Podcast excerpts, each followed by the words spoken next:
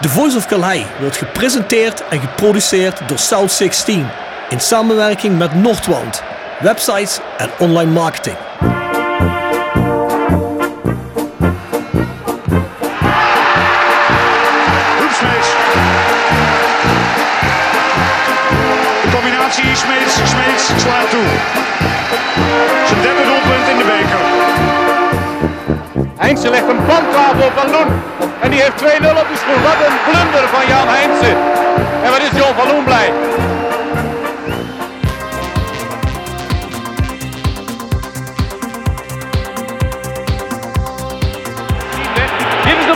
Voor Roda. Graaf en het is 1-0. Weer Maurice Graaf. De kooltjes diep bij uitstek. Dit is zijn zevende. Oh but But aïe Rames est loupé Dans quelques instants, il y a but de Lawol Et maintenant c'est Roda qui met deux buts Prachtige circusbewegingen zet. Oh, oh, oh, oh, oh. Aruna Kone. Wat een weergaloos doelpunt. Dit is een lekkere bal. Ka. Oh, ho, ho, ho. Kaboom. Vente probeert het van afstand de Vente. En dat is de knal die Roda nodig had voor een terugkeer in deze wedstrijd. Iemand moest dat lontje aansteken.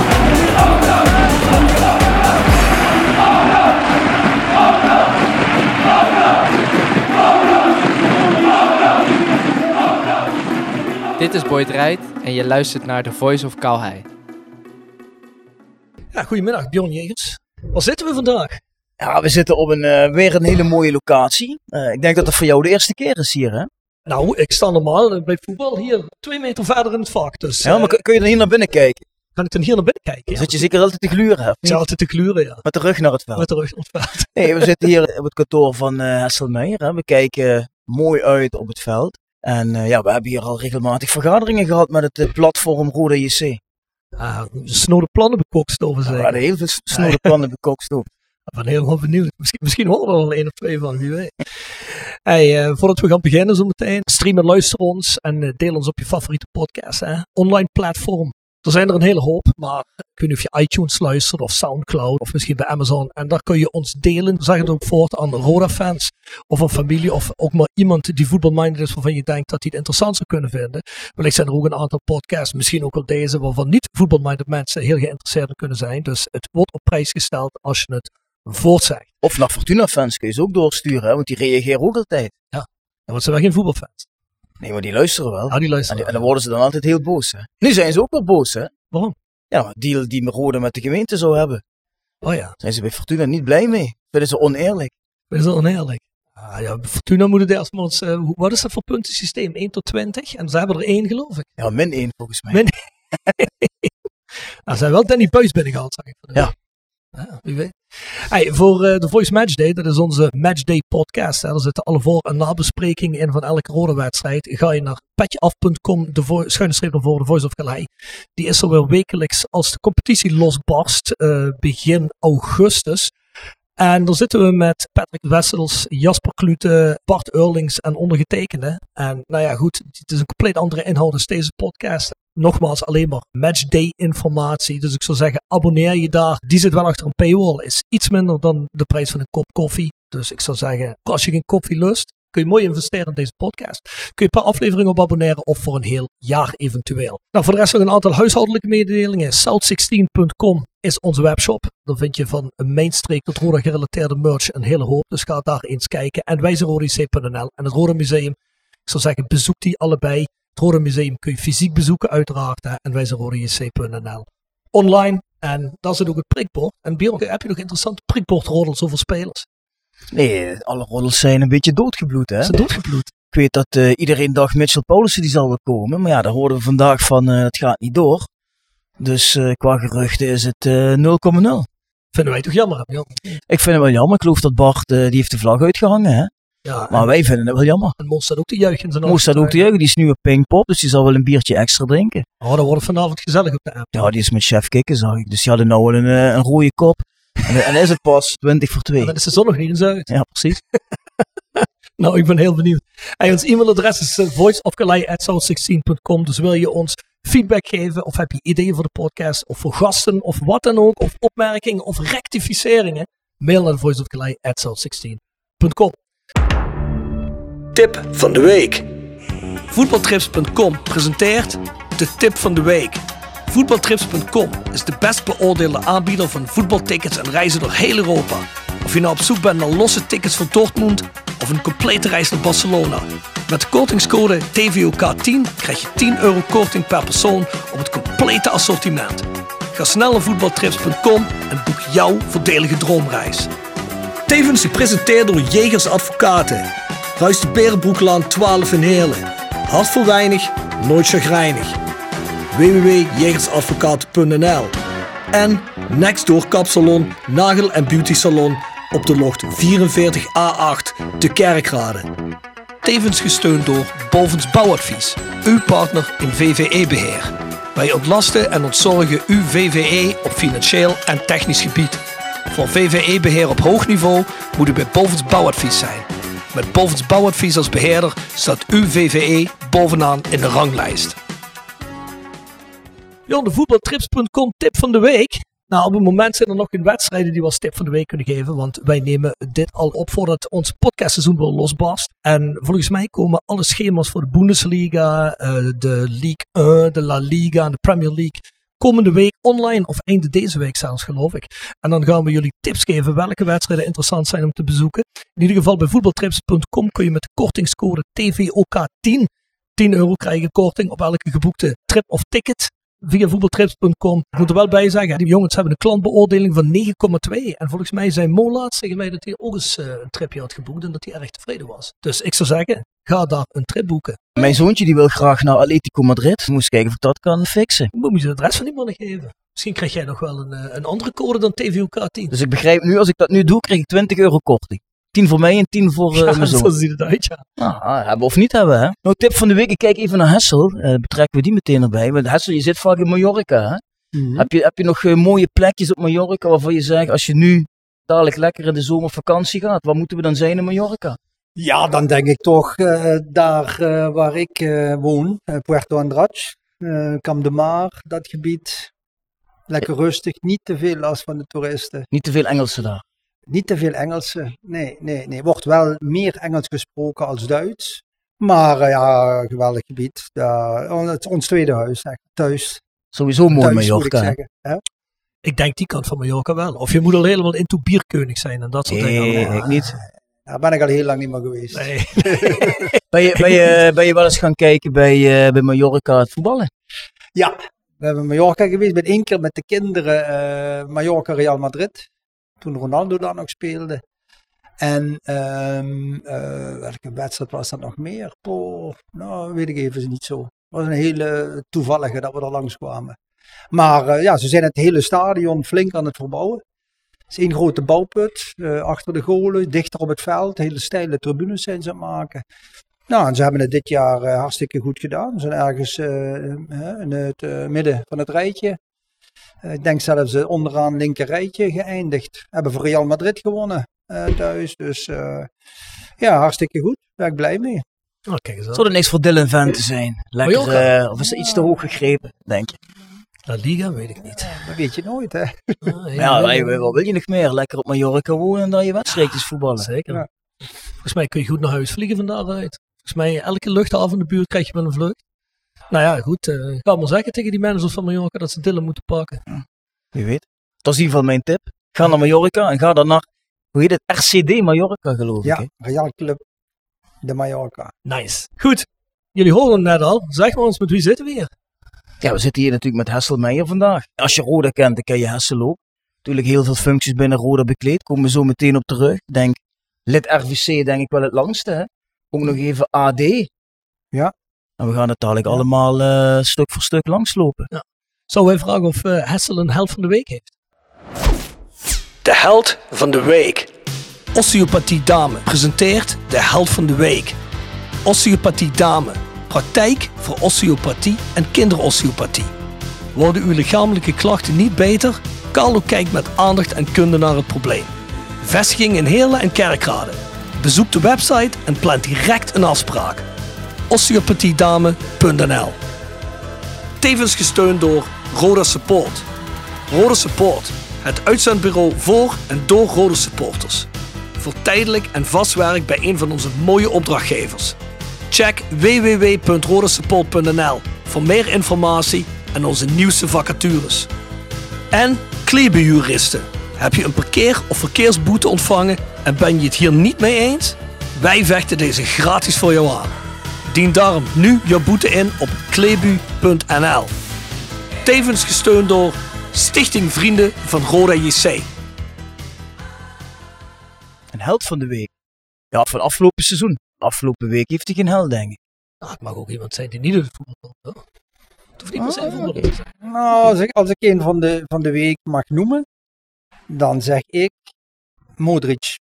Ik eh, moet zeggen, ik heb hem een beetje vergeleken uh, voorgisteren uh, met Frenkie de Jong. Hè, waar we toch allemaal van vinden dat dat een geweldige voetballer is. En dat is hij absoluut ook.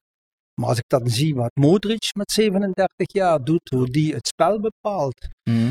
Nou, dat is ook iemand die je zelden slecht ziet spelen. Ja, ik vind het fantastisch, uh, fantastisch wat die man nog presteert. Ja, viel mij ook op. Ik moet zeggen, ik had het idee, die man krijgt het klaar om continu vrij te staan. En dat is echt wel knap. Ja, ja. Mhm. Dat is echt Altijd knap. aan speelbaar. Altijd aan speelbaar. Maakt altijd de goede keuze. Mooie paasjes, hè? Lijkt hem op je stropdas met de buitenkant. Ja. Mooi. Ja, en dan op die leeftijd inderdaad. Op dat niveau nog. Nou, dat is knap. Ja, lijkt net of er helemaal geen slijt op zit, hè? Nee. Nou, fantastisch, man. En, en ook nog in die, eh, in die verlenging eh, ging die ook nog hard. Ja. Nou, dan kunnen zich sommige jongens bij Nederland zelf toch wel eh, hè? puntje aan zuigen. Die 20-jarigen. Dat denk ik. Ik denk dat Madrid het nog gaat merken. Eh, als zo'n speler wegvalt. Ja, dat denk ik ook. Dat denk ik ook. Ja. Dat hebben we hier bij Roda gezien. Toen eh, na Marcel Meeuwis Ruudje Vormer kwam. En daarna hebben we nooit meer een zo'n bepalende nummer 6 gezien. Hè, die eh, het heft in handen kon nemen. En eh dat zijn gewoon hele belangrijke posities voor een team. En eh, ze hebben Bellingham gehaald. Dat is nog een hele jonge jongen van Dortmund. Maar of die dat zo kan invullen. We zullen het zien. Dat denk ik op het moment nog niet. Nee. Dat is een beetje een Hè? Ja, ja. Goed. Nou, zullen we dan eens beginnen? Ja, zullen we het met je? Bij mij is het eigenlijk goed. Ja? Eh, ja zeker. Eh, eh, eigenlijk ja, met Roda ja, niet meer zoveel te doen. We zitten natuurlijk hier met ons kantoor in het stadion. Af en toe nog wel eens overleg. Maar zeg maar het, het, het moeilijke tussen aanhalingstekens werk, dat is, dat is wel voorbij. Dat, dat gaat ook vanzelf voorbij als je dat vijf jaar gedaan hebt. Maar eh, voor de rest, eh, zakelijk eh, gaat prima. Mijn bedrijf gaat het prima. Ik ben een beetje langzamerhand in de, toch met de afbouwfase begonnen. Neemt niet weg dat ik nog iedere dag hier ben, maar je ziet de verantwoordelijkheden wat over gaan dragen aan de, de jonge garde. We hebben veel nog medio tot eind dertigers eh, in dienst, ja, die het eigenlijk de hele carrière nog voor zich hebben. Maar eh ja, doen het goed. Dus eh, dat, dat, dat hoort er ook bij, dat je dat langzaam loslaat. En dat niet elke keer als het spannend wordt, ze zeggen, ja nou Hessel, dan moet jij toch maar een keer naar die burgemeester gaan. Eh, dus Mhm. dat, dat ze dat steeds meer zelf op gaan pakken, dat is, dat is goed om te zien. Is dat wel moeilijk? Nee, ik, ik dacht dat ik dat moeilijk zou vinden, omdat ik wel iemand ben die dan ja, toch altijd ja, dat heft in eigen handen wilde houden. Maar eh, ja, gelukkig heb ik dat verkeerd gedacht. Ik moet zeggen, dat gaat me redelijk goed af. En eh, het moet ook gewoon, hè. je moet op enig moment gewoon eh, langzaam dat over gaan dragen. En ik heb nog naast uh, Wijkervesten, mm, schat even een stuk of twintig andere vennootschappen die ook wat tijd nodig hebben. En daar moet ik ook wat in afbouwen. Dus wat dat betreft heb ik genoeg te doen. Maar zolang ik, dat is het mooie van vastgoed. Zolang je eh, dat leuk vindt, kun je dat blijven doen totdat je sterft. Eh, Ik bedoel, je zult altijd naar vastgoed blijven kijken. En eh, ehm, dat is interessant. En ook interessant om te zien dat mijn kinderen mijn oudste zoon nu hier werkt. En ehm, hij doet vooral de stichting van de kinderen, de vastgoedstichting van de kinderen. eh, doet hij het eh, beheer van en, en ook inmiddels een stuk ontwikkeling van. Dat is heel leuk om te zien. Die andere twee zijn meer voetbaldieren. Eh, werken nog steeds eh, voor PSV. Eh, de ene fulltime, de andere die in Lissabon woont. de jongste die doet dat voor halve dagen. En ja, dan heb ik nog mijn jongste dochtertje, een echte danseresje. Dus dat is ook heel mooi om te zien. 12 jaar. Dus wat dat betreft, dat, houdt je wel, dat houdt je wel qua geest in elk geval, joh. Dus je verveelt je niet. Nee, ik verveel me niet. Nee. Hey, en en eh, de jongste zoon die woont in Lissabon. eh, wer- werkt hij dan ook, of woont hij specifiek daar om de Portugese markt eh, te Nee, bekijken? nee, mijn jongste zoon die was ook aanvankelijk, al tijdens hun studie zijn ze alle twee fulltime voor PSV gaan werken. PSV had eigenlijk geen data-analisten. Eh, en dat is hij ook tot vorig jaar, twee jaar geleden ook fulltime blijven doen. Toen is hij bij Ernst Young gaan werken in Amsterdam. Toen hij klaar was met zijn studie, ja, hij is pas 24. eh, dus hij, heeft, hij is heel vroeg afgestudeerd. En hij is nu met eh, twee anderen, eh, zijn ze een start-up begonnen voor een soort fiscale app. Voor mensen die in meerdere landen fiscaal actief zijn. En dat doen ze vanuit Lissabon. Dat schijnt een heel gunstig fiscaal klimaat te zijn voor, voor start-ups. Dus hij woont nu al een jaar in Lissabon. En eh, ja, hij vindt het leuk. En het is natuurlijk de bedoeling om zo'n app, eh, die andere twee gasten die dat met hem doen, die, eh, die hebben al een keer zo'n app voor heel veel geld verkocht. Dus eh, ja, die, die bouwen zo'n ding. 1, 2 jaar. En dan, eh, ja, dan wordt het verkocht. Dus, eh, Een beetje het Stijn Koster idee denk ik dan aan. Hè? eh, ja, misschien wel. Misschien wel. Maar eh, nogmaals, ik weet er te weinig vanaf. Eh maar eh, ja, het, eh, het is mooi om te zien dat, eh, ja, wat, is, wat is, ja, nee, trouwens, hij is 25 geworden. Wat, eh, wat als, je, als je 25 bent, dan, dan kom je, als je hier komt werken en je bent 25, ja, dan sta je helemaal in het begin van de ladder.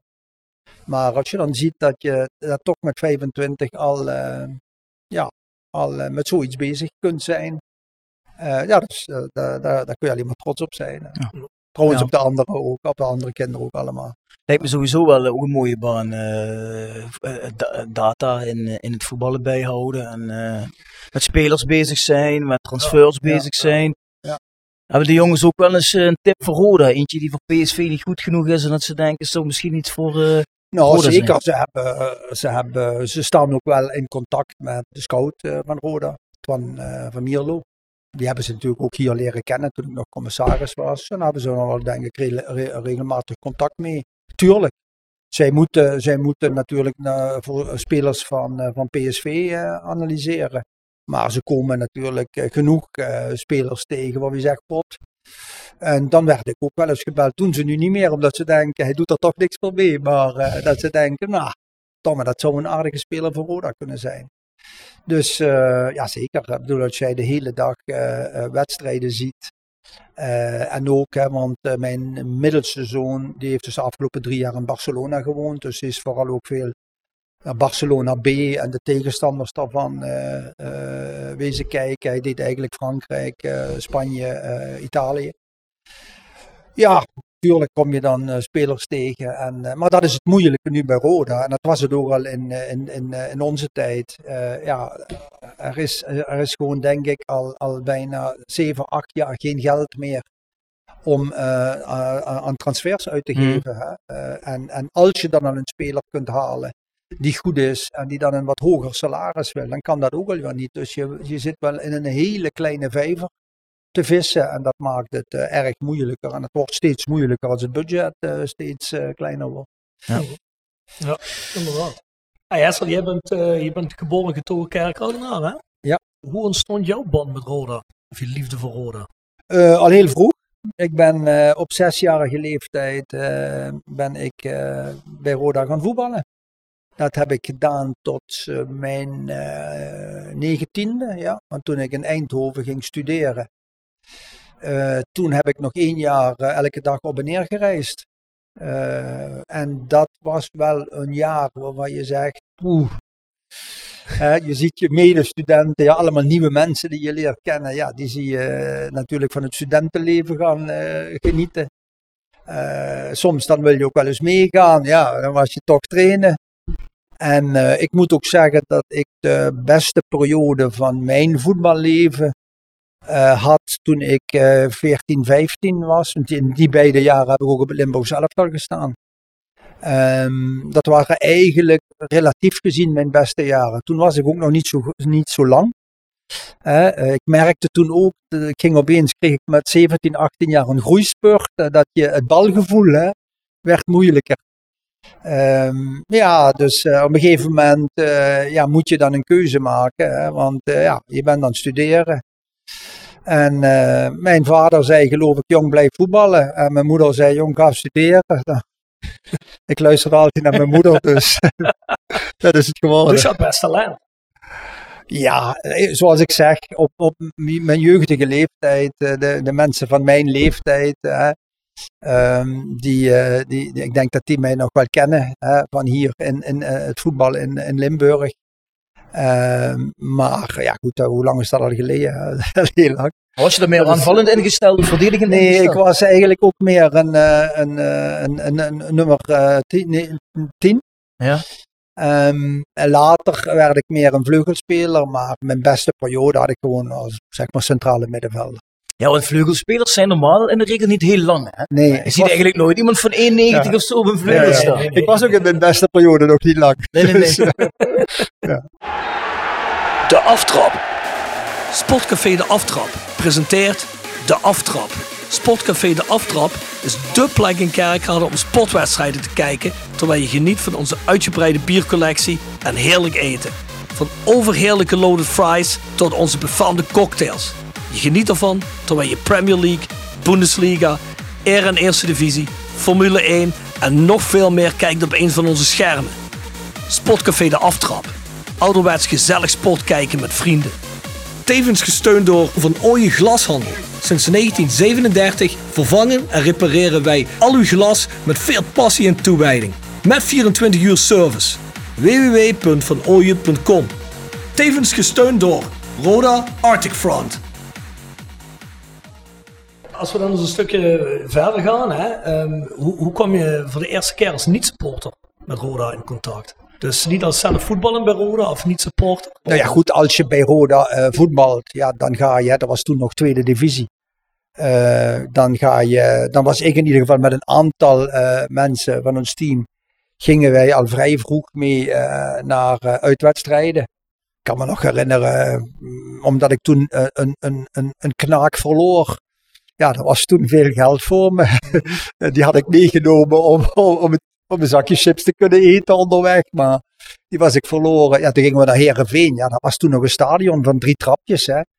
Eh, het oude stadion. Dus eh, uit die tijden, ja, dan ging je het 's morgens om 7 uur op de bus en het avonds om 11 uur kwam je thuis. En eh, ja, dat deed je, eh, dat, zo, zo ben je Roda-fan geworden. Hè? En eh, eigenlijk mijn hele leven gebleven. Met wat periodes dat het wat eh, minder was. Ja, op Kalheide eigenlijk altijd bij de vrienden gezeten. Ehm, Dus je bent eigenlijk als sponsor begonnen. ben, nou, ik ben meer als, als fan van Roda. Ja, toen, ik, toen ik zeven jaar was, was ik natuurlijk nog geen sponsor. Maar bij Roda op Kalheide, eh, bij de vriendenclub eh, begonnen. En toen dit stadion hier gerealiseerd werd, toen, ben ik, toen hebben we twee skybox eh, genomen. En ben ik businesspartner geworden. Tot denk ik twee jaar geleden. En nu hebben we nog steeds eh, een skybox. Dus twee skyboxen. En, en toen het stadion gebouwd werd, waren jullie met Wekker Vesten, waren jullie eh, eh, bouwpartner, investeringspartner? Of? Ja, wij waren zeg maar de. Ik, ik was ooit met het idee, omdat ik dat, ehm, eh, omdat ik daar ooit iemand had over horen spreken, over een commercieel stadion. Hè, van dat, dat was zo'n discussie van jeetje, en vooral in Duitsland zie je dat allemaal die betonnen bakken. Met ja, vaak op locaties waar heel veel parkeerplekken zijn, maar waar dan eh, ja, 340 dagen per jaar niks gebeurt. Eh, eh, waardoor al heel snel het besef kwam, ja, hoe, hoe, kan, hoe kan een club zoiets betalen? Ja, toen kwam hier de discussie van een nieuw stadion, die lang geduurd heeft. Hè, met Theo Piquet is vaker gesproken. En dat idee is me altijd bijgebleven. Van waarom niet onder die tribunes of tegen die tribunes aan eh, commercie maken. die wellicht kan helpen om, uh, om de financiering van zo'n stadion haalbaarder te maken. En toen wij dit hier deden in het jaar 2000, uh, toen uh, ja, er was geen enkele bank meer die voetbalstadions financierde. Omdat men bang was voor als het fout ging met de club, ja, dat de bank dan werd aangewezen als schuldige als ze de stekker eruit trokken. Dus dat deden banken niet meer. Maar ja, ik had het geluk dat hier destijds de Westland Utrecht eh, bank, ehm, dat die er eh, wel iets in zagen. Eh, het huidige ING Real Estate eigenlijk. dat die er iets in zagen en dat die zei, ja, stadion doen we niet, maar jouw commerciële ruimte, ja, die, die willen we wel financieren. Ja, en zo heb ik op, ik was juist 40 geworden, heb ik toen gezegd van nou, die, die drie tribunes, die, die koop ik. dat, dat hield in, de, de seats blijven voor maar de beton de betonnen waar de seats op staan, dat is de, zeg maar, de mandelige muur. Hè, als je het met een rijtjeshuis vergelijkt. En alles onder die muur, ja, die ga ik, uh, die ga ik uh, proberen in te vullen.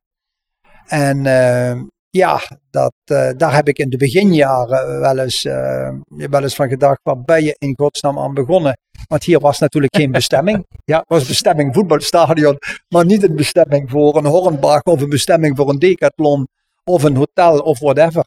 En toen dacht uh, ik, stand de Rode Boulevard uit de, uit de grond. Nou ja, goed. Ik dacht op het moment dat ik moest tekenen, hè, want de club had dat geld nodig om die drie tribunes te kunnen bouwen. Het hoofdgebouw hebben ze toen zelf gefinancierd.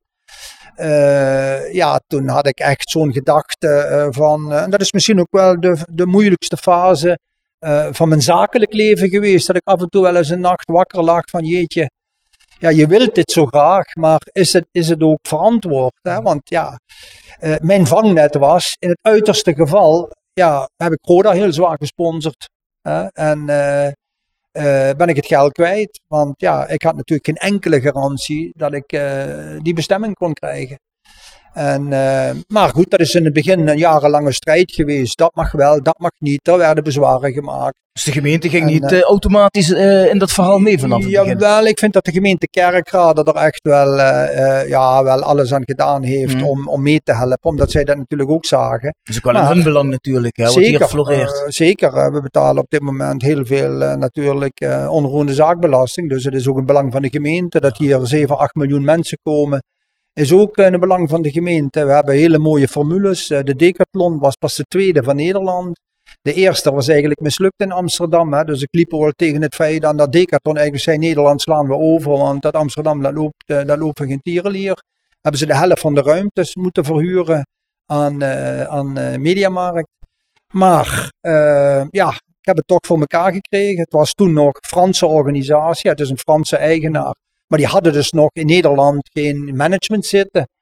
Uh, dus uh, dat was misschien wel de allermoeilijkste onderhandeling van, uh, van mijn leven.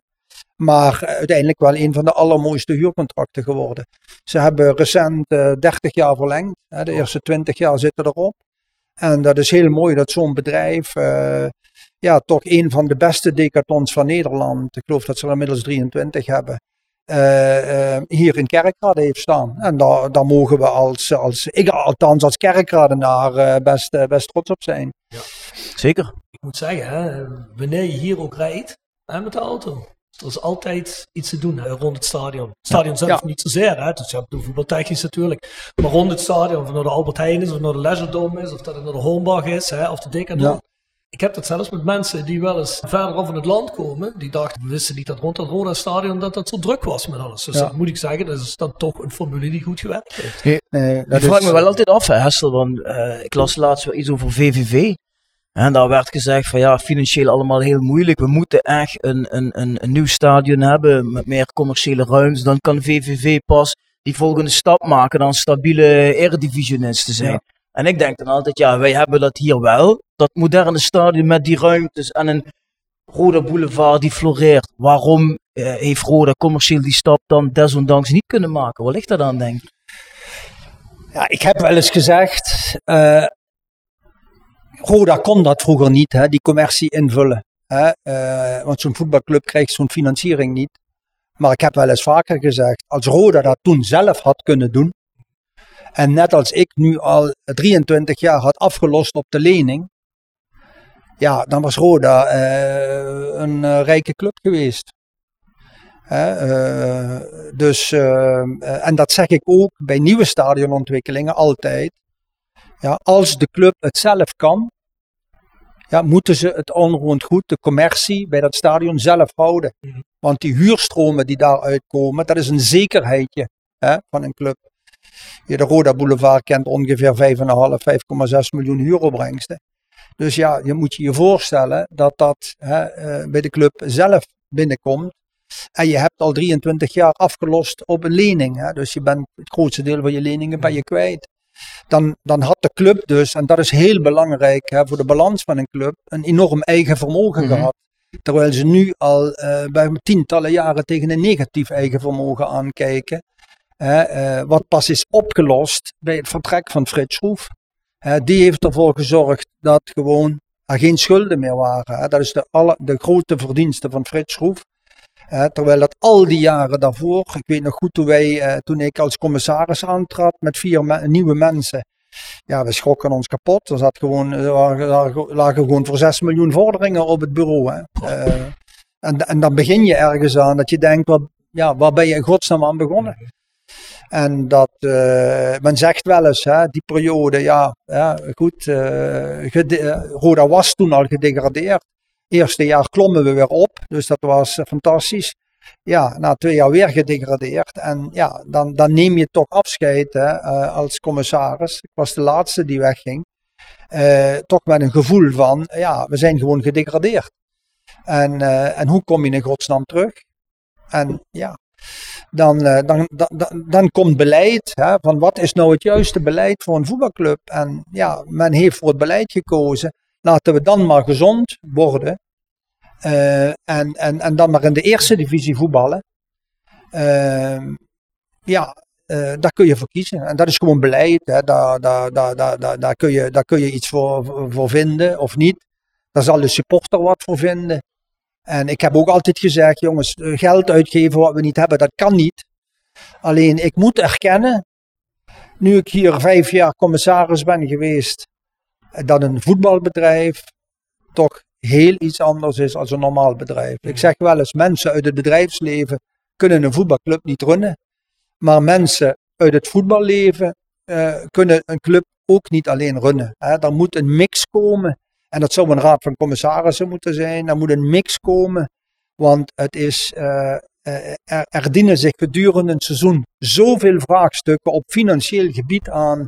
Van, moeten we dit? Want als we degraderen, dan zijn we 2 miljoen kwijt per jaar. Moeten we dan nu in de winterstop eh 5 ton of een miljoen uitgeven om te voorkomen dat we volgend jaar 2 miljoen kwijt zijn? Weet je? Dat zijn vraagstukken. Daar kan eigenlijk niemand een echt eh, keihard antwoord op geven. Eh, en dat is ook niet in één jaar op te lossen. Dat is eh, structureel. Hè, eh, eh, laten we zeggen, het geld van Frits Schroef is altijd gebruikt om gaten te dichten. Had je van tevoren geweten dat je 20 miljoen kreeg voor de opbouw van een club, ja, dan had je geweten, wat ga ik daarmee doen? Dan kun je daar plannen op smeden. Maar er is altijd geld hier, wat je ook geeft. Hè. Ik bedoel, zijn bij mij ook vaak genoeg langs geweest. Het is altijd geld wat nodig is om een rekening te betalen. En het geld is weer weg. Om een gat te stoppen. En dat Ja, is jammer, hè? jammer. Daar- Daardoor kun je niet bouwen natuurlijk. Hè? Hey, Hazel, voordat we verder gaan, heel eventjes een vraagje. Hè, eh, om dat heel even te verduidelijken voor de mensen die het misschien niet helemaal goed begrepen hebben. De reden waarom de commerciële kant van het stadion voor nooit interessant is geweest, is omdat jij hebt gezegd, de commerciële kant, of in ieder geval daar waar de commerciële kant geëxploiteerd wordt, dat betaal ik aan het stadion. En dat ga ik exploiteren, want dat is van mij. En dat ga ik verhuren, et cetera. En jullie doen eigenlijk alles wat met voetbal te maken heeft. De zitjes, jullie betalen seizoenskaart, een kaartje voor de zitjes. En jullie hebben Noord. En dat is eigenlijk waarom Roda geen commerciële inkomsten heeft van dit stadion, toch? Ja. Ja. Men heeft natuurlijk huurders hè, die hier zitten. En dan probeer ik ook bij elk huurcontract te zeggen van jongens, het zou heel fijn zijn als je wat voor Roda gaat doen. Dan is het vervolgens natuurlijk aan Roda om dat in te vullen. Eh, maar het is, het is eigenlijk jammer dat ik voor, zeg maar, mijn clubje ehm, te laat heb kunnen leren en ervaren dat het mogelijk is om een stadion voor niks te bouwen. Dat hebben we in Zwolle gedaan. Eh, eh, een kleiner stadion, als ik het vergelijk altijd met huizen, zeg ik hier staat een, een 200 in Kapper en in Zwolle staat een rijtjeshuis. Mhm.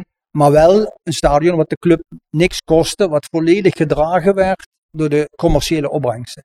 Dus de commerciële opbrengsten in Zwolle, eh, mm, eigenlijk slechts 42.000 meter hebben we daar gerealiseerd. Die waren voldoende om de totale rente en aflossing te betalen van het hele project, inclusief stadion. En dat is eigenlijk het mooiste model. Hebben wij gedaan omdat we zeiden, ja, dat huurcontract van Zwolle was toen nog eerste divisie, hè, eh, toen, wij daar, toen wij dat ontwikkelden. Daar heb ik toch niks aan bij de bank. Daar financieren ze me toch niks op. Dus laten we kijken hoe we een model kunnen vinden dat. En eh, nou, dat, eh, dat hebben we eigenlijk in, bij Bas aan Beveren gedaan. Maar die, zit- die En, zitten eh, dus niet met een hypothecaire verplichting of wat dan ook nog? Of? Nee, nee. Zwolle heeft op het stadion eh, geen, eh geen hypothecair verplichting. Wat de fout is bij voetbalclubs natuurlijk, dat is hier ook gebeurd. Hier is men begonnen met een financiering van, ja, ik weet niet meer precies het bedrag, zo staat het me niet noemen. Maar ehm, als je hier gewoon ieder jaar netjes had afgelost, Afgelost. ja, dan was dit stadion nu schuldenvrij geweest. Maar wat gebeurde in het begin, eh, omdat ik dus die tribunes ge- zeg maar gekocht had, eh, had Roda eigenlijk een overwaarde op het stadion. Dus als er een jaar verlies was, nou we lenen nog wat geld bij op het vastgoed. Eh, ja, dat, weet je, als je met de rug tegen de muur staat, dan doe je dat soort dingen. Dat doe je met je eigen woonhuis ook. Hè? Ik bedoel, op het moment, er zijn mensen die zeggen, nou, ik wil een nieuwe auto kopen. Ik ga eens kijken of ik een, eh, Nee, eh, nee, nee. wat hogere hypotheek kan krijgen. Dat is de goedkoopste vorm van lenen. Nou, en, en toen dat fout ging, toen eigenlijk hier de ABN AMRO, de financier, werd overgenomen, althans dat onderdeel door de Deutsche Bank. En de Deutsche Bank zei, wij doen dat niet meer, voetbalclubs. Ja, toen kreeg je de situatie dat de, eh, als het ware de gemeente gedwongen werd via de stadion NV om het stadion over te nemen. Het voetbalgerelateerde deel. En eh, nou ja, dat is, eh, dat, eh, dat, dat is toen een verhaal geworden van ook weer hetzelfde. Er zit een lening op, maar op die lening is nooit afgelost.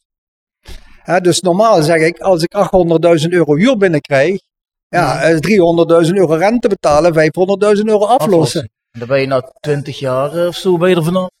Maar Want ik geloof, eh ik laatst ook gelezen had, dat er zit op dit moment nog iets van 14 miljoen eh hypotheek op. Of kan ik een miljoen meer of minder zijn? Dat weet ik even ja, niet. Maar ik denk dat zelfs de boekwaarde bij de gemeente eh, zelfs rond iets van rond de 18 miljoen ligt. ja, ja, dat is natuurlijk echt wel eh, bizar. eh, en, en doodzonde natuurlijk. Hè. Ja. Zeker. Dat is, eh, ja, dat is, dat is jammer. En dat heb ik wel eens. eh, Ik heb voor de gemeenteraad gestaan hè, om te kijken toen wij, eh, toen ik nog commissaris was, om te kijken of we het stadion konden, konden terugkopen. Ehm, en ehm, ja, weet je, dan, dan is dat ook heel moeilijk. Van, daar zit zo'n schuld op.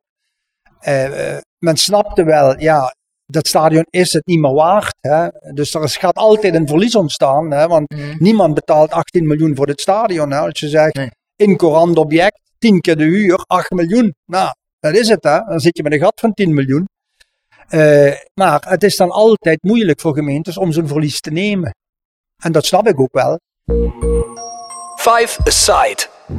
Five Aside wordt gepresenteerd door Maassen en Hoebe strafrechtadvocaten. Maassen en Hoebe strafrechtadvocaten te Heerlen. Gedreven door kracht, kennis en ambitie. Wordt u een familielid of een bekende verdacht van een strafbaar feit? Kies dan geen gewone advocaat. Kies een gespecialiseerde strafrechtadvocaat.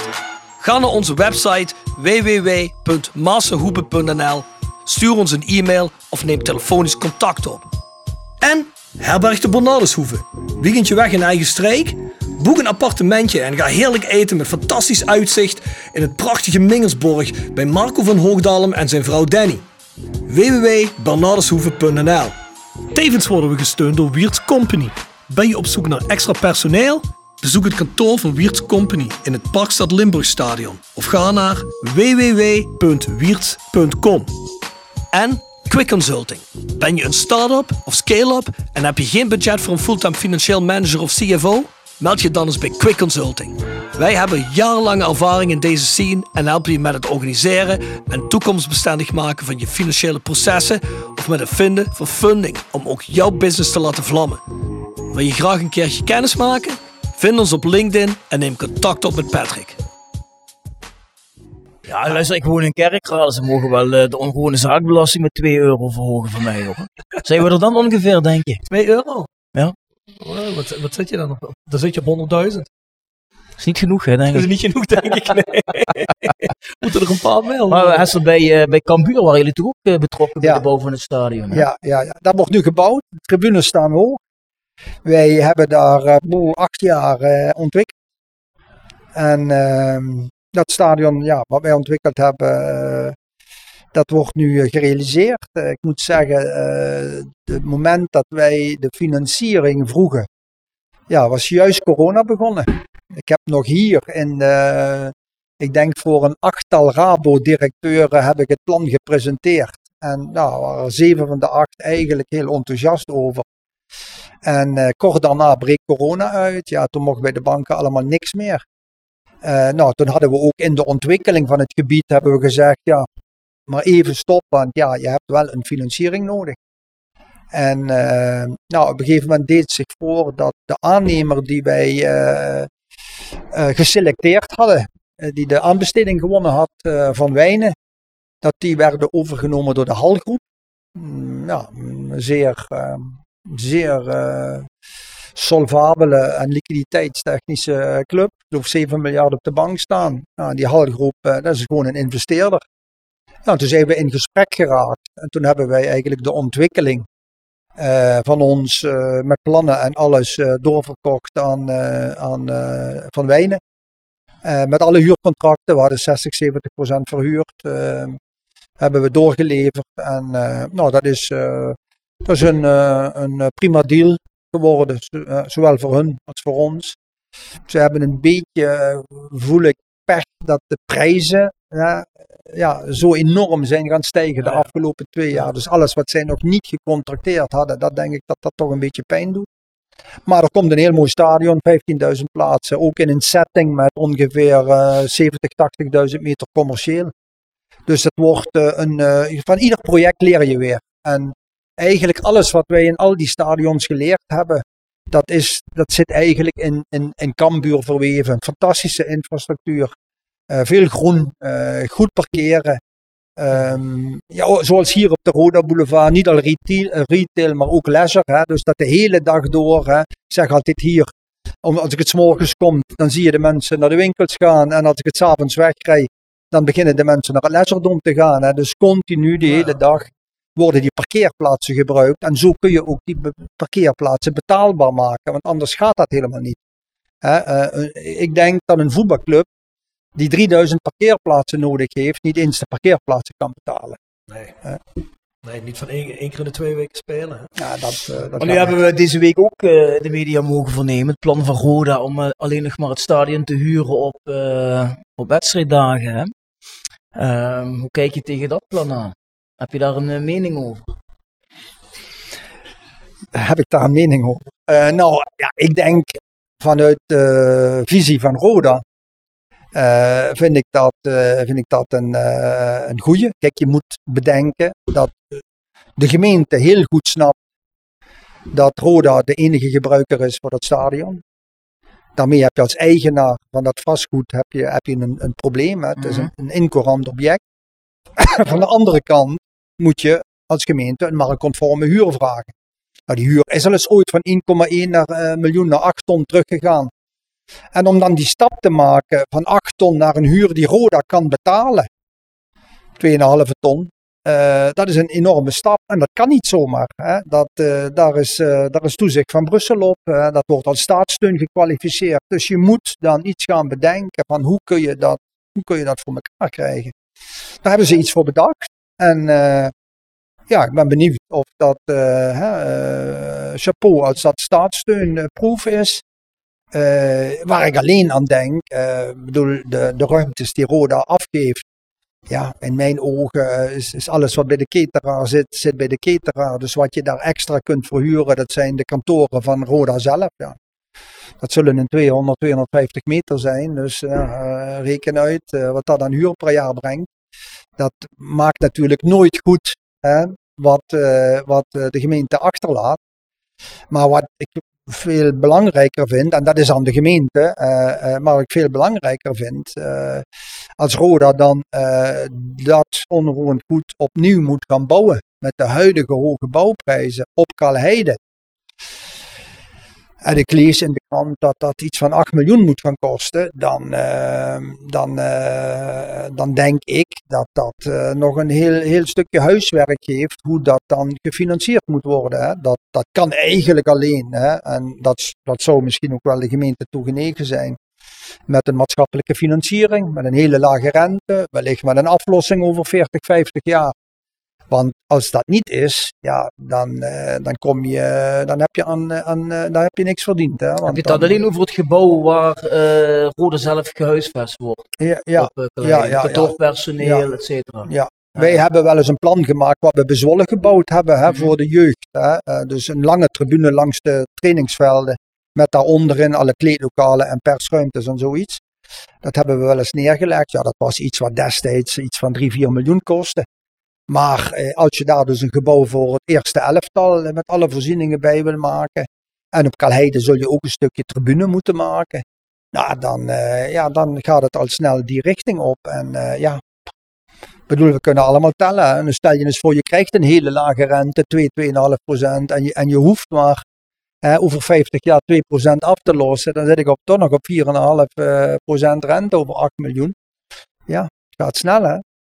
Ja, wij zijn heel slecht in rekenen. Ja, daarom ik, ik, ben, maar goed. ik ben ondertussen ik, even, zit ik in mijn hoofd ja, te rekenen. Ja, ja, maar... ja, ja, ik hoop dat de luisteraars dat ook zijn. Dus.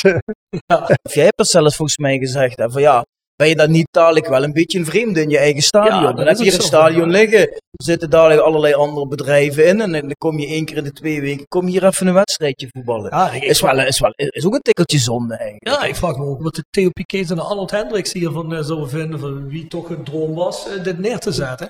Zo heb ik er nog nooit over nagedacht, nu jij dat zegt. Maar ik denk inderdaad dat vooral Theo Piquet, hè, die toch met hart en ziel voor dit stadion gestreden heeft, dat die zal, zal denken, ja, is dat dan nu alleen maar voor 20 keer per jaar te gebruiken? Ja, wat je eigenlijk, een stadion is toch eigenlijk je, je, je thuis. Hè? Ja. Kijk, het is, het is, uh, je bent geen Real Madrid of zo, hè, met een, uh, of, of een Paris Saint-Germain met een eigen vermogen van heb ik jou. Ja, ja dan zal het bij Madrid wat meevallen, maar in ieder geval bij Paris Saint-Germain of zo.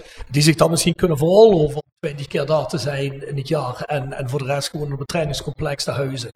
Bij dat soort clubs is dat helemaal. Maar ik heb er een beetje een vreemd gevoel bij. Ja, het komt mij over als een oplossing om weer ergens een paar ton te kunnen bezuinigen. Ja, het is eigenlijk niet wat je uiteindelijk ambieert. Ja, je moet je, ook- is niet wat je voor ogen hebt gehad. Nee, je moet ook oppassen. Hè? Want als, je, als de deal één keer rond is en er, is één keer, eh, er zit er één keer verhuurders in en dergelijke, hè, die hebben ook contracten van bepaalde jaren. Ja, die zijn er ook niet zomaar uit. Dus als je dat ooit op een gegeven moment wel wil omdraaien, ja, dan, dan kun je beginnen met het eerste huurcontract lopen af. Oh, die verlengt niet. Nou, dan hebben we één kantoor terug. En dan gaan we naar het tweede en naar het derde. Dus als je één keer weg bent, ben je wel weg. Hè? Dus, dus dat is wel... eh, Ja, dat, dat kun je niet maar heel snel omdraaien natuurlijk. Nee. Was het mooiste niet eh, geweest als Roger Odenis het stadion gewoon gekocht had? Veel dingen is het stadion kopen, toch? Ja, dat zou, hij, eh, dat zou, dat, dat zou prima zijn. eh. en, eh, kan hij toch op het einde van het jaar gewoon afschrijven, of niet? Ja, dat, Roger. Ik denk niet dat Roger daar een kan die afschrijven. Ik zou het een prima oplossing vinden. Dan kan hij Absoluut. mooie maatschappelijke ruimtes hij Absoluut. bouwen in die kantoren. Absoluut. Luister, dit model is eh, in het verleden, toen wij met investeerders bezig waren. Eh, en, dan, en dan bedoel ik niet de investeerders die, die we gehad hebben. Of schoon je mij geen kwaad woord hoort zeggen over Corotaef. Kom eens op terug, Hessel. Oh Niet te jee, snel, oh jee, oh snel, jee, oh jee, niet te veel gaan vragen. hè. We hebben dadelijk een aantal mooie eh, namen voor je. Maar eh, als je naar echte investeerders kijkt, dan zijn daar zeker partijen waar wij mee gesproken hebben die zeggen, nou we willen niet alleen de club, we willen ook het stadion. We willen gewoon een totaaldeal doen. En eh, eh, die hebben zelfs aan mij gevraagd eh, van, god, als wij het stadion zouden kopen, zou jij dan ook de commercie die in de plinten van het stadion zit aan ons willen verkopen, zodat zij eh, commerciële opbrengsten kregen. En daar was een mooi model van te maken. Nou goed, dat is er, eh, dat is er eh, niet van gekomen. Maar eh, zo, zo kun je wel, zo kun je wel de zaken voor de club beter maken. Ik, ik denk eerlijk gezegd, om, om dit thema te besluiten, voordat op Kalheide alles gebouwd is wat Roda nodig heeft om daar naartoe te verhuizen, denk ik dat we twee, drie jaar verder zijn. En die twee, drie jaar, die hebben ze in ieder geval gespaard hier. Dat ze weer een verhaal hebben waarom ja, die huur laag kan zijn. En als dat uh, de strategie is, dan heeft Roda het goed gedaan. En heeft de gemeente op een wellicht haalbare uh, uh, manier daaraan meegewerkt. In drie jaar kan veel gebeuren. Of het wel of niet de oplossing is, dat zullen we zien. En dat zal voor een groot deel afhangen van de financiering van Calheide. The Sound of Calhei. Gepresenteerd door PC Data Logistics Automation. De partner voor leveren, installeren en onderhouden van geautomatiseerde ordeelverzamelsystemen. Zowel lokaal in kerkraden als globaal over heel de wereld. Zoek je een uitdagende job? Kijk dan naar onze vacatures op pcdata.nl. Ook worden we gesteund door Willeweber Keukens. Wil jij graag kwaliteitskeukendesign dat ook bij jouw beurs past? Ga dan naar Willeweber Keukens in de Boebegraaf 1 te Schinveld.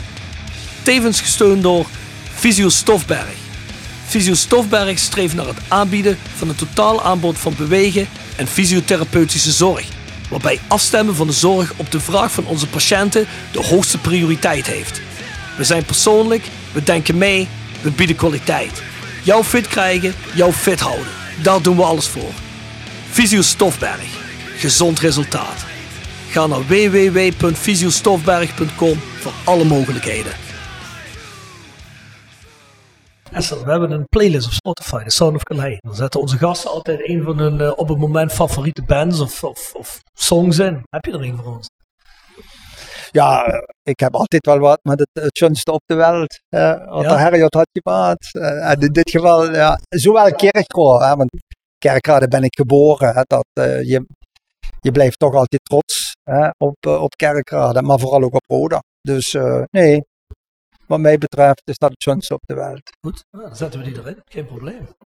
Heb je trouwens zelf nooit overwogen, Hessel, om te zeggen van ik, ik neem de hele club over? Of was het iets wat je nooit geambieerd hebt? Nee, ik heb toen ik commissaris was wel geleerd dat dat, uh, dat, dat geen, uh, geen, uh, geen, voor mij althans, geen goede zaak is. Mijn twee zonen die dachten daar wel eens anders over. En, en die denken daar misschien nog steeds wel eens aan. Hè, misschien de toekomst. om de, de, wie weet, van de mij, ja, ja, ja, wie weet. Maar nee, voor mij, als je, als je hier vijf jaar commissaris bent geweest, het is namelijk gewoon geen normale onderneming waar je zelf beslissingen kunt nemen. Het is, je moet naar heel veel mensen luisteren. je wilt rust in de club. je zit met supporters, je zit met financiën, je zit met reglementen van de KNVB. Je zit met zoveel dingen waar je in een normaal bedrijf niet mee te maken krijgt toen, daar heb ik wel van geleerd. Uh, en dat heb ik gelukkig gebruikt. Dus wat dat betreft heeft het mijn werk bij Roda uh, mij wel geleerd dat toen ik uh, Patro eisde, toen ik het verzoek kreeg of ik Patro eisde wilde redden, dat ik, en, en toen, toen, wilden ze met de club daarvoor geven, dat ik toen heel duidelijk en, en meteen heb kunnen zeggen, ik wil de club niet, ik wil geen aandeelhouder worden van de voetbalclub. Ik ben misschien wel in de gronden geïnteresseerd rondom het stadion van Patro. Die spraken mij al jaren aan als ik daar langs reed. Maar ja, het is, we hebben wel een andere investeerder gevonden. In de Common Group, die ook Vitesse gekocht hebben. Eigenlijk veel liever Roda gekocht hadden en Alemannia Aken. Dat was hun doel. Maar ja, dat is er niet van gekomen. En ja, het is heel mooi om te zien. Dat doet me goed dat, dat die investering toen ertoe geleid heeft dat er een eigenaar is en die ervoor gezorgd heeft dat Patron nu op hetzelfde niveau als Roda speelt in de Belgische 1, 1B. Uh, dus in de Belgische zeg maar eerste divisie. Ja. En uh, ja, je bent er ook wel eens bezig kijken. Ja. Hè? De sfeer daar, uh, het is. Uh, het heeft iets gezelligs, hè? Ja. Het heeft, heeft iets amateurachtigs, maar toch ook weer niet. Dat is een gezellig stadionnetje. Ik denk dat die club wel in de lift zit. Hmm. Ja, het lijkt er wel op. Ja. Hey, maar daar, heel even vraag, om daar heel even op terug te komen. Je zegt, sinds ik die vijf jaar in de RVC heb gezeten, weet ik wel beter, begin ik er liever niet aan. Advocaat van de duivel spelen, dan heb je dan niet zoiets van, nou ja goed, ik zou het wel kunnen in principe, maar ik ben dan nu vijf jaar geweest en nu weet ik alle negatieve dingen eraan. Maar als ik daar nou gewoon mensen van zou kunnen krijgen die dat delegeren, die dat goed zouden kunnen, zelfs dan is het niks. Nee, luister, je, als, je, als je ondernemer bent, dan is je doel altijd eh, winst maken. En ik ben nu op een leeftijd dat ik zeg, ik doe ook projecten waarvan we zeggen, als we daar break-even uitkomen, vind ik het leuk. Pak je Valkenburg, parcoursterrein, het oude, eh, de oude Leeuwbierbrouwerij die tien jaar leeg heeft gestaan. Nou, wat we Ja, daar gerealiseerd hebben. Als ik daar kom, dan denk ik, hartstikke fijn. Het is een break-even investering. Eh, wat dat kost, dat krijgen we terug via de huur en that's it. Dus dat doe je niet voor het geld te verdienen, maar dat doe je om iets bij te dragen. En eh, ehm, eh, dus, dus ik zit wel in die fase van mijn leven. Toen ik jonger was, dacht ik, ja, je moet winst maken, hè, want de schoorsteen moet blijven roken. En zo moet je er denk ik ook bij een voetbalclub in zitten. Dan moet je veel geduld hebben. Maar eh, een club als Roda, denk ik, eh, kan nooit winst maken. Kijk, dat, dat begint altijd bij een zeer gedegen jeugdopleiding. En ik zeg de jongens van Kanheile doen daar alles aan. Ik spreek ze nog wel eens regelmatig.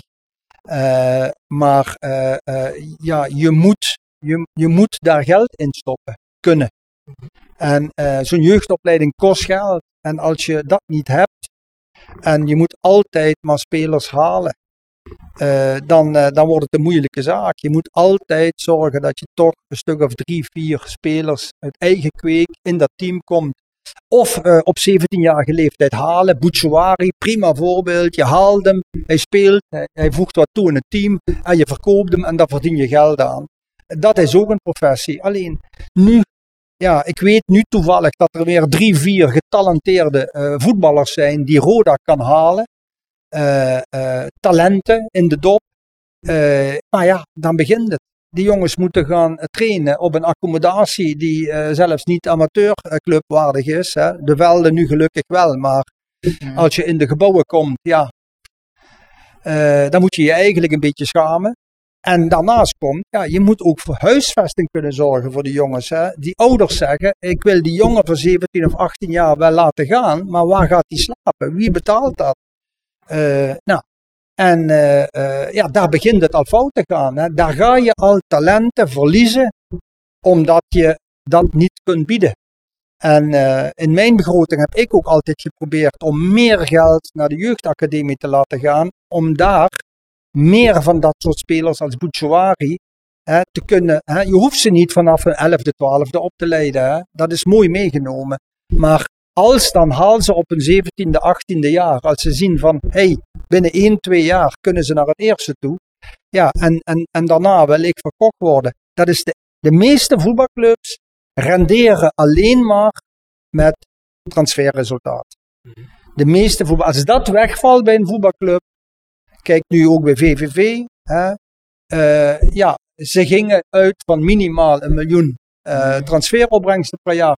Als dat er dan niet is in enig jaar, ja, heb je een miljoen verlies. Ja, dat is een grote gok, vind ik, om om zoiets op te nemen in je begroting. Dat is een grote gok. Dat is een grote Je hebt toch nog een eh, zolderkamer vrij, of niet? Kun je dan die twee van die talenten eh, Eh, neerleggen? Drie of vier ook als wat. eh, als wat Als eh, eh, dat kan, eh, ze hebben er vier nodig, eh, dan bel ik eh, zo meteen even eh, met Marco van Hoogdalem en dan, eh, dan is hij is hij blij. Ja. Als je dat echt meent, dan bellen we direct even met Marco. Nou ja, Ja, trouwens, je kent Marco zelf. eh, zeker, zeker, bel zeker, zeker, op. zeker. Ja, dat zal Mark zelf ook wel al aan gedacht hebben. Als hij zelf hoorde bij de jeugd. Nou, nee, eh, het is echt serieus, want ik heb tot eh, gisteren eh, vier hotelkamers eh, voor, eh, hem vastgehouden. Voor de komende drie weken.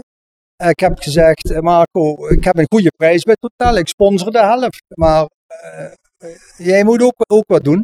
En, eh, maar ja, dan krijgen ze toch niet voor elkaar. En daar zie je aan dat die jongens, ja, die hebben geen geld om mee te werken. En ja, ver- verkoop dat maar eens hè, aan ouders ja, die dan natuurlijk op die leeftijd zeggen: Oké, die jongen wil voetballer worden, die wil profvoetballer worden. Nou, en dan maak je een hele belangrijke keus. Waar laat je hem naartoe gaan? Ja. Kijk, en wat AZ gedaan heeft, laten we eerlijk wezen, hè, toen AZ op het rand van faillissement stond, ja, toen ging het met Roda redelijk. Als je ziet van waar die club is gekomen, ja, totaal, totaal gedreven op een goede jeugdopleiding. Ik denk inderdaad dat dat wel, wel slim is. Hè? Want je kunt natuurlijk heel veel geld steken in het opleiden van spelers van 10, 11, 12 jaar. Maar ja, als ze een beetje goed zijn, dan komt PSV bij wijze van spreken. Dan ben je zoveel weer kwijt. Terwijl als je inderdaad bij grote clubs jongens kunt weghalen die een jaar of 17 zijn. En die dan denken van, hé, hey, bij dat Roda, als ik het daar goed doe, dan krijg ik meteen een kans in het eerste. Ja, je kunt er daar eens één of twee van verkopen. Dat is misschien de, de, beste manier om het spek op de ribben te krijgen. Ja, dat, dat is ook hoe ze het nu aanpakken. Alleen is wat Hessel zegt, hè. Je, er, er komt meer bij dan zo'n jongen op zich naar de club krijgen. Je moet ook slapen, je moet eten, je moet, je moet van alles. Hè. Dus ik bedoel, het gaat niet alleen maar om die, om die paar uur training in de week natuurlijk. Ja. En die wedstrijd. Dus ja, ja, daar iets over te verzinnen. Vooral als ze wat verder wegkomen natuurlijk. Hè. Ja, zeker. Dus die jongens die naar huis kunnen rijden. Kijk, als jij, ik heb hier, ik was toevallig op Kalheide over een podcast met, uh, met Danny laat, met Danny Volkers. En uh, er zat een hele groep van die jongens zat daar. En er waren jongens die hadden gewoon uh, ja, hesjes aan of truitjes van een uh, vereniging waar ze voor spelen. Hè. Dat was een jongen van Pek Zwolle, dat was een jongen Heerenveen volgens mij. En dat waren allemaal van die jongens die dan afvallen net, of dreigen af te vallen bij hun mm. eigen clubs. En die misschien wel goed, goed genoeg zijn voor dit niveau. Hè. Of hier er iets van te maken, nemen die gok. Maar ja, als jij rond Zwolle woont, kan je niet op en neer koetsen elke dag. Hè. Dat, uh, dat zit nee. er niet in. Ja. Dat is jammer, dat zijn gemiste kansen. Ja, vroeger woonden die talenten toch ook bij mannen zoals Joho Diamond en zo, of niet dan? Ja, dus ja, ja, ben jij misschien de moderne Joho Diamond? Ja, precies. Ja, of jij? Ik heb, ja, ik heb geen plek meer. ja. ik, heb, nee, maar ik heb te veel kinderen. Wat is, er, wat, is, wat, is, wat is er met die mooie ruimte achter gebeurd bij jou? Daar heb ik uh, indoor voetbalhal van gemaakt. indoor voetbalhal van gemaakt. Er ligt kunstgras nou, er staan twee golen. Ja? Oh, ja. Heb ik ook gehad, ja. Oh, lijkt me mooi, lijkt me mooi. Essel, we gaan eens wat naam op je afschieten. Met, met wat vragen eromheen. Mm -hmm. Jolis Jo wordt gepresenteerd door RodaJC.goals. Het Instagram-account voor je dagelijkse portie Roda-content. Iedere dag een doelpunt uit onze rijke historie. Van Aruna Kone tot Shane Hanze. Van Bob Peters tot Dick Nanninga. Volg RodaJC.goals op Instagram. Tevens gesteund door Metaalgieterij van Gilst. Sinds 1948 uw plek voor gietwerk in brons. Van brons, van Gilst. En Hotelrestaurant de Veilerhof. Boek een overnachting of ga heerlijk eten in het mooie bergdorpje Veilen. Voor boekingen ga naar www.veilerhof.nl. En Barber Road. Rode supporters in hart en kapsel. Ontdek Barber Road, de barbershop waar jouw passie voor rode JC tot leven komt. Laat onze getalenteerde barbers je haar en baard verzorgen met vakmanschap en creërend look die jouw liefde voor de club uitdraagt. Word de twaalfde man met een stijlvol kapsel dat boven het maaiveld uitsteekt. Je vindt ons in Bouwbach en in het Park Zuid-Limburg Stadion. Boek je afspraak op www.barberroad.nl Frits Schroef, je noemde hem al net hè? Ik noem even een paar kanttekeningen in de, in de tijd van Frits Schroef. Je zegt zelf al, hij heeft eigenlijk alle gaten gestopt bij de club. Dankzij Frits Schroef is het financieel uh, in ieder geval een stukje gemakkelijker geworden bij de club. Is ook veel geld daardoor kwijtgeraakt natuurlijk. Maar alleen vroeg in de tijd van Frits begonnen ze met dat uh, Best FC-rapport dat in de wind werd geslagen. Heb jij er nog iets mee te maken? Of zat jij toen bij de club, toen het, uh, bij de RVC, toen dat rapport kwam? Is dat het rapport via Han Berger?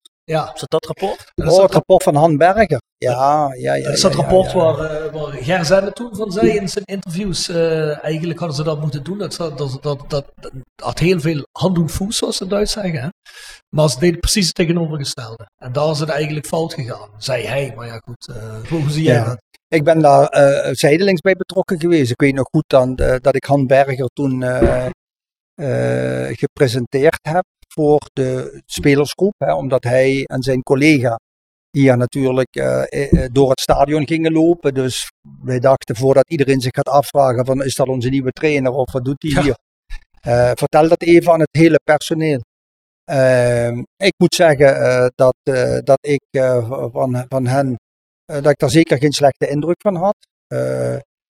ik, ik moet eerlijk zeggen, de inhoud van het, van het hele rapport, dat ken ik nu niet meer. Uh, maar uh, dat, dat was zeker geen verkeerd rapport. Alleen, ja, er stonden aanbevelingen in die wij toen eigenlijk niet hard konden maken. En die natuurlijk indirect weer met financiën te maken hadden. En, uh, maar dat was in de periode dat, weet ik nog goed, want Han Berger was technisch directeur geweest bij het Australisch elftal. Dat was eigenlijk zijn vorige job geweest. En toen haalden wij onze Australische spits, Juric. Ja. En ja, die kende hij uh, goed. En dus ja, ik weet nog goed dat ik hem toen uh, een keer gevraagd heb: God, wij, wij overwegen hem te halen. Wat vind je daarvan? Dan zegt hij: voor de eredivisie een prima spits. Dus ja. Maar al met al, een amabele man. Alleen het, het rapport, ja, dat is eigenlijk in de prullenbak beland. En daar, is, daar is te weinig mee gedaan. En er kon misschien ook te weinig mee gedaan worden. En dat maakt het zo moeilijk. Hè. Soms krijg je goede aanbevelingen, soms kun je goede dingen doen. Alleen er is nooit geld. Wat zeg je van het argument van sommige mensen die dan zeggen, nou ja goed, in dat rapport stond onder andere ook dat Wim Collard eigenlijk nooit voorzitter zou moeten zijn. Dat Wie? Wim Collard? Ja. AD, AD bedoel je? AD. Ja, AD, sorry, excuus me. En nog, nog een aantal van die zaken, omdat dat ja, te maken had met, met, met een, uh, met een uh, organisatiestructuur die op die manier niet ideaal zou zijn. Dat het verwijt kwam van verschillende mensen. Dit is dan weer de oude jonge Krentenwoordclub die elkaar de bandjes toeschuiven dat daarom Wim Collard ook niet weg wil. Hoe zag jij dat? Nou, ik moet zeggen, ik heb, uh, ik heb uh, met Wim Collard als directeur uh, eigenlijk prima samengewerkt. Ik zie hem nu nog regelmatig wel eens. Wim liep er ook tegenaan dat hij soms dingen wilde, maar die gewoon niet konden. En natuurlijk, Wim was een soort protégé van Frits Schroef. Hè. Wim heeft er eigenlijk voor gezorgd dat Frits Schroef bij, bij Roda überhaupt kwam toen ik Frits Schroef leerde kennen, dat was toen ik juist commissaris geworden was, had Frits juist de eerste 500.000 euro aan Roda overgemaakt. Dat was zijn eerste be, uh, betaling. En uh, dat is, laat ik zo zeggen, het feit dat we iemand bereid hebben gevonden om zoveel geld in Roda te stoppen. ook al ging dat vaak met gepaste tegenzin van Frits. Dat is voor een groot deel toe te wijzen op het konto van Wim Collard. Want hij heeft hem binnengebracht en Wim wist hem ook, ook al zei hij vaak in de Raad van Commissarissen, en nu is het genoeg geweest, uh, ja, wist Wim Collard hem toch vaak weer over te halen om nou, maar weer geld over te maken.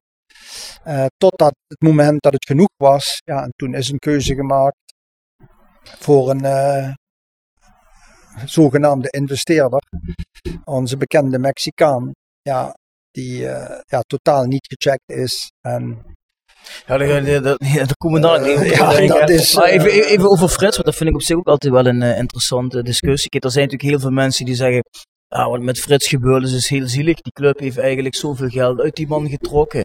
Er is ook een andere stroming die zegt, ja, maar wacht even, er is hij zelf bij geweest. Er zijn ook een hele hoop mensen die hem hebben geadviseerd, je moet het anders doen. Want had hij het zelf slimmer aangepakt, of misschien naar andere raadgevers geluisterd, dan had je met die 20 miljoen die erin gestoken had, dat je jaren subtop uh, moeten kunnen voetballen. Ja, nee, zeker. Als je dat geld had kunnen gebruiken voor de opbouw, ja, dat was dat fantastisch geweest. Nee, Frits, die had op enig moment zoveel geld in de club zitten, ja, dat er een discussie ontstond van, ja, uh, zekerheden waren uh, de spelers op het veld. Nou, die waarde van die spelers werd steeds minder. Dus die dekte al lang niet meer hè, het geld wat Frits erin had zitten. En uh, Frits heeft toen, uh, uh, ja, toen is de overweging gekomen, ja, moet ik dan niet maar de eigenaar van de club worden? Hè? Dan stel je voor dat we die club morgen kunnen verkopen. Hè? Dat was ook toen we weer promoveerden, dat was een jaar later, ja, dan ben je weer eredivisieclub, dan is zo'n club weer meer waard. Uh, dan, uh, uh, dan kun je bij een verkoop van de club kun je, je geld nog terugkrijgen. Alleen uiteindelijk is dat, denk ik, heeft dat verkeerd uitgepakt. omdat de, de, de, de koper niet gevonden werd die wilde betalen. Of ja, heeft 4 miljoen betaald, maar die het hele pakket wilde overnemen tegen een goede prijs. Ehm, en dan betekende dat voor Frits, ja, als er een schuld was, ja, wie moet een schuld uh, bijpassen? Is de aandeelhouder. En als hij dat niet meer wil, ja, dan uh, gaat de club failliet. Dus er kwam een enorme druk op Frits te zitten van als ik niet betaal, ben ik degene die de club failliet laat gaan. En uh, ja, dat is, dat, is, dat is wat er gebeurd is. En natuurlijk, ik, ik hoor bij de categorie wat de man voor de club gedaan heeft, is, is fantastisch. Ik, ik voel ook nog zelf uh, dat ik een soort eerschuld aan Frits heb. Um, dat heb ik wel meegenomen uit die, uit die hele uh, periode. Um, maar ik denk ook wel eens, en dat, dat maakt het een stuk makkelijker te dragen. Frits had geen kinderen. Um, zijn vrouw, is nog op het einde, vlak, vlak voor zijn overlijden, getrouwd, meen ik. Die, is, uh, ja, die, die, die zit er goed bij. Eh, Frits had nog eh, een overgrote aandeel, eh, was nog overgrote aandeelhouder in Schroef. Dat was een prima bedrijf. Dus anders had Frits het geld niet graf ingenomen. Eh, eh, en was het wellicht, want het zat in een stichting, was het wellicht voor andere doelen gebruikt. Ja. Nu heeft hij het voor Roda gebruikt. Het is een, eh, een bekend iemand geworden. En eh, hij zal bij Roda eh, nooit vergeten worden hè, voor wat hij voor de club gedaan heeft. Hij is, hij is de man geweest. Als je dan zegt, wat heeft hij nu echt bereikt? Hij is de man geweest die de club gewoon schuldenvrij heeft achtergelaten. En het is ergens jammer dat de club nu weer ja, schulden heeft opgebouwd. Het maakt wel heel erg wrang voor zo'n Frits Schroef dan, hè, als er naar de ander weer eh, zo mee om moet gegaan. Ja, als hij nog zou leven en hij zou nu zien van, ja, dat de schuldenberg weer oploopt. Vooral moet ik zeggen als gevolg van de opgeschorte huur. Dus daar proberen ze nu eh, een oplossing voor te vinden. Maar dan kan ik me voorstellen, inderdaad, hè, je probeert iets te redden. En dan wil je ook, als het gered is, dat het zijn, eh, zijn eigen weg kan gaan en dat het overleeft. En als je dan ziet dat het weer dreigt mis te gaan, dan zou dat absoluut niet fijn voor hem geweest zijn. Ja. Hey, maar was het beleid onder Frits Schroef dan zo lik op stuk de hele tijd? Of, of werd daar ook echt eh, toekomstig gekeken? Of was het alleen maar van, oké, hier is een gat, hier is een gat, hier is een gat, duw het dicht en, en rij er maar overheen en kijk maar hoe ver we komen. Kijk, het eerste jaar nog, meen ik, waren wij als raad van commissarissen redelijk, hè, maar we, waren, we hielden toezicht op de directie. Eh, eh, nou, en ik dacht dat in het jaar dat we gepromoveerd zijn, dat toen Frits aandeelhouder is geworden. Eh, ja, en dan zit je met een andere situatie. Hè. Je kunt als raad van commissarissen, wordt je rol een heel stuk kleiner. Je kunt als raad van commissarissen zeggen, oké, we halen eh, eh, die speler, of we halen die TD, of we doen dit, of we stoppen extra geld in de, in de jeugdacademie. Er is ook een keer een hele discussie geweest om de jeugdafdeling te, te professionaliseren, om die als het ware te verkopen. Waardoor Roda er geen geld meer in hoefde te stoppen, maar wel het recht kreeg om die spelers te krijgen. En, ook op de doorverkoop eh, te verdienen. Dat zijn allemaal, zijn heel veel projecten geweest die uiteindelijk de eindstreep niet gehaald hebben, omdat opeens zit er een aandeelhouder. Ja, die kan nog wel in een vergadering een keer zeggen, daar ga ik over nadenken. En het s'avonds aan de keukentafel werd hij wel eens bezocht. Ja, dan was het toch, toch weer wat anders. Dat maakte het werk. Zei nou, werd hij wel eens bezocht? Eh, Kreeg hij ja, bezoek thuis? Ja, ja, dat- dat. Ja, ja, ja, Ja, ja, even ja, ja, ja, ja. Maar we- Of om, een, of, of om een bepaalde speler toch te halen, of om tien spelers te halen, ik doe maar eens wat. Ja, Maar in ieder geval, Dat, dat was dus een, Eh. een variëteit van mensen die die, die, die bezoeken bracht, neem ik aan.